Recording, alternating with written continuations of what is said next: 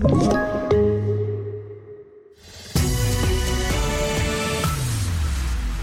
TV4-nyheterna börjar med att det covid-19-vaccin som tagits fram av svensk-brittiska AstraZeneca och universitetet i Oxford ger i snitt ett 70-procentigt skydd.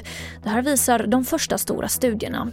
Skyddet visade sig dock vara 90-procentigt bland de försökspersoner som först fick en halv dos och senare en hel. Och varför, det vet man ännu inte. Mer om detta på tv4.se.